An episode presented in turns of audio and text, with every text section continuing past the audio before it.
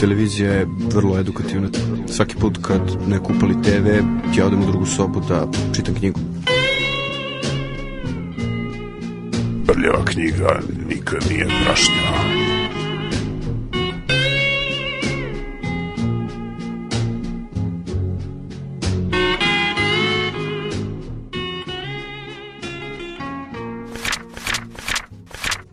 Sledećoj emisiji, a, a rubrika Jedan pisac, jedna knjiga za danas Jeste. je Milan pripremio pisca Herara Kleina Jeste.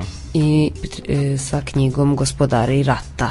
Jeste, a pre toga jedno kratko obaveštenje za mm -hmm. ovaj Danielu koja nam se javila, ajde kažemo, Umeđu vremenu, ovaj, da. Facebooka, pa samo kratko, dakle, mada, ajde kažemo, mislim, zove sad, ovaj, Možda, mo, možda nije pravi trenutak, ali kao mi nismo, ni, ne, nećemo budemo toliko formalni ovaj, svakako u Radio Galaksiji. Mm -hmm. A, dakle, što se knjige tiče, knjiga o, o, o kojoj je pitan, o kojoj se radi, ja pretpostavljam da je to ta knjiga, a, je, odnosno knjiga moje malenkosti pod naslovom Artefakt za svemirsko putovanje je izdao Helix, objavio na sajmu i nadam se da, ja sad ne znam tačno, ali a, jedna stvar je ja sam gotovo ubeđen da će biti po knjižarama kao što su Studentski trg, Akademija nauka i možda još neke u Beogradu, a sa druge strane ovaj, za ljude i Solaris u Novom Sadu, a za ljude koji nisu iz Beograda, meni izdavač reče, onako opet kažem, to je krajnje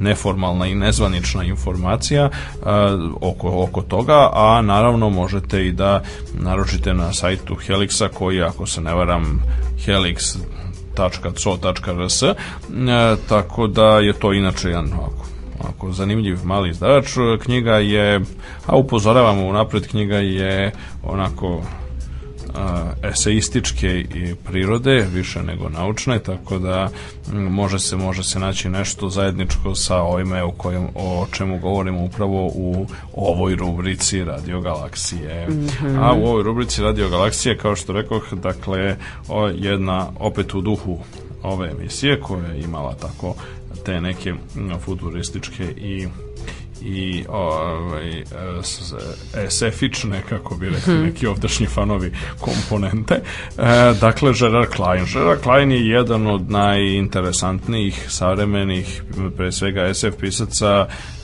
van britanskog govornog područja. On se rodio u Francuskoj 1937. godine, znači ima već, od, još uvijek je živ i mada nije bio aktuelan u poslednje vreme nešto, znači znači većina većina njegovih bibliografija koje sam ja uspeo da pronađem do sada se završava negde još 80. godina. Najveći broj e, knjiga je napisao 1960. i 70. godina i on je e, objavljivao kako pod svojim imenom Gerard Klein, tako i pod pseudonimom Gilles Dargir e, i bio je dugo vremena urednik verovatno najuticajnije pojedinačne e, SF edicije opet van britanskog govornog područja, tog Ayer et Demain, uh, znači serije koju je objavljivao Robert Laffont uh, i u tom smislu, pošto je Robert Laffont jedan od on, najvećih francuskih izdavača, uh,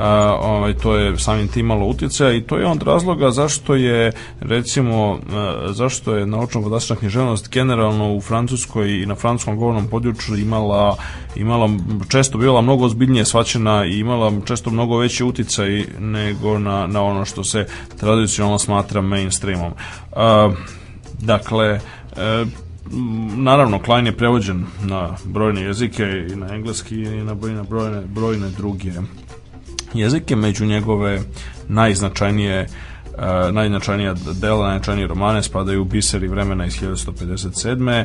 Uh, Sunča i Mornari pod pseudonimom Žilar Girić 61. Dugačko putovanje iz 64.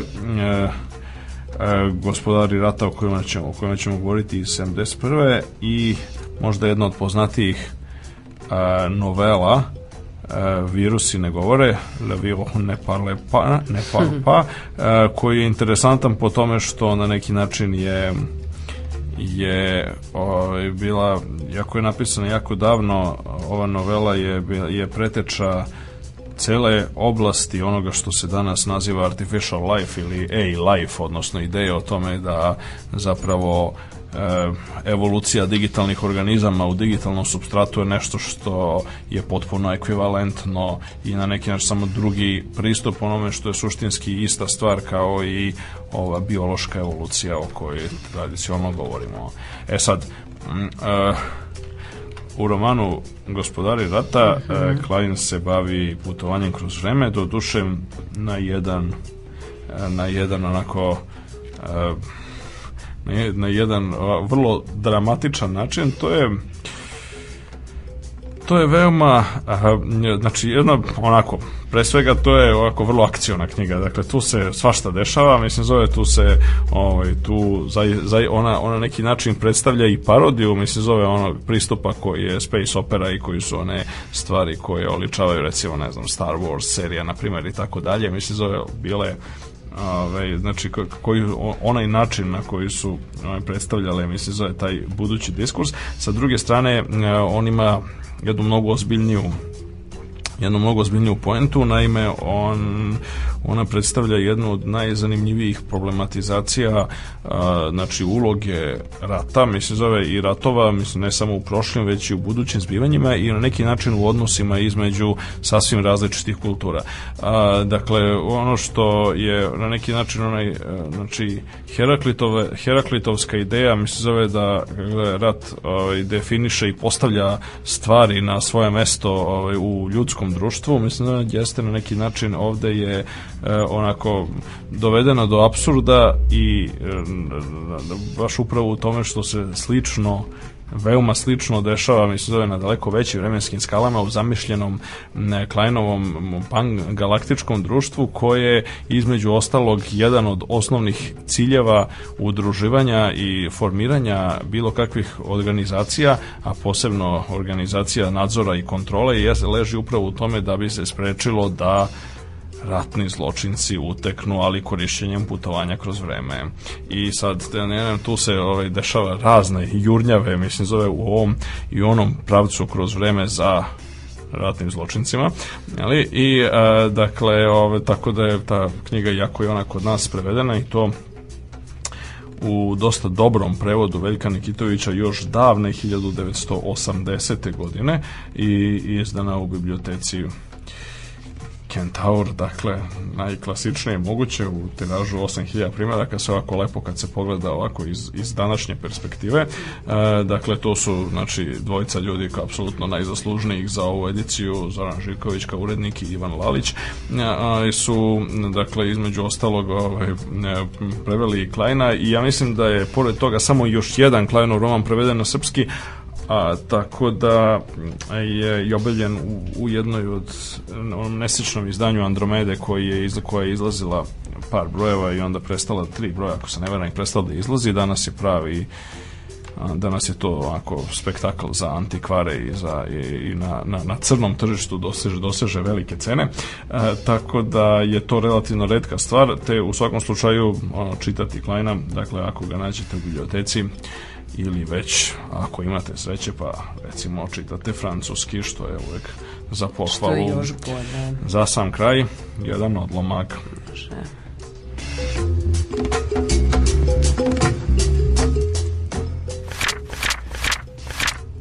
Prostor oko njih bio je prožet raznobrojnim plamenovima. Zvezde su nestale, sa njima i planeta.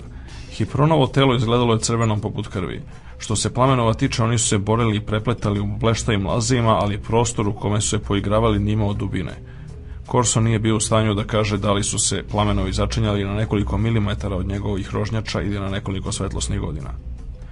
Bilo je to lice stvarnog svemira, ili bar druge strane svemira. Premeštali su se kroz vreme velikom brzinom, Korson je u to bio siguran, a to je izobličavalo perspektivu. Slika koju je čovjek obično sticao svetu bila je statična. Zvezde su za njega kretale lagano nebom.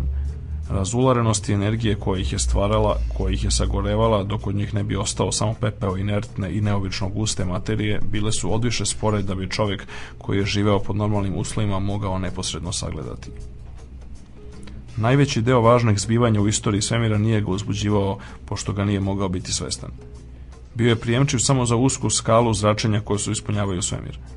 I tako je živeo u zabludi da se svet u suštini sastoji od praznog prostora, ništavila, da raštrkane i udaljene zvezde obrazuju reda gas, malo zgusnuti tamo gde se okreću galaksije. A Vasiona je zapravo bila ispunjena. U svemiru nije postojala tačka koja nije bi bila u vezi sa zračenjem ili sa nekim vidom ispoljavanja iskonske energije. U izvesnom smislu svemir je bio čvrst. Hipotetički posmatrač koji bi ga gledao s polja ne bi našao načina da u njega stavi ni iglu. A pošto su se hiproni premeštali kroz vreme izvanrednom brzinom, svemir se njihovim jahačima pokazivao kao mutan. Kada bi dosegli veliku brzinu, pomisli Corson, kada bi bili prisutni istovremeno i na početku i na kraju sveta i tokom prelaznih trenutaka, oni bi bili naprosto smrvljeni. Pri brzini kojom su se kretali svetlosna zračenja bila su potpuno nevidljiva ali ti plavi plamenovi mogli su biti talasi dugi više svetlosnih godina, dok purpurna zračenja verovatno održavaju promene gravitacionih polja zvezde ili galaksija. Oni su jahali kroz vreme i kao što jahač koji juri svom brzinom ne opaža kamenje na putu, već samo najvažnije stvari kao što su drveće i, bregovi, tako su jedino najvažnije zbivanja iz života Vasionesa da uticale na njihova čula.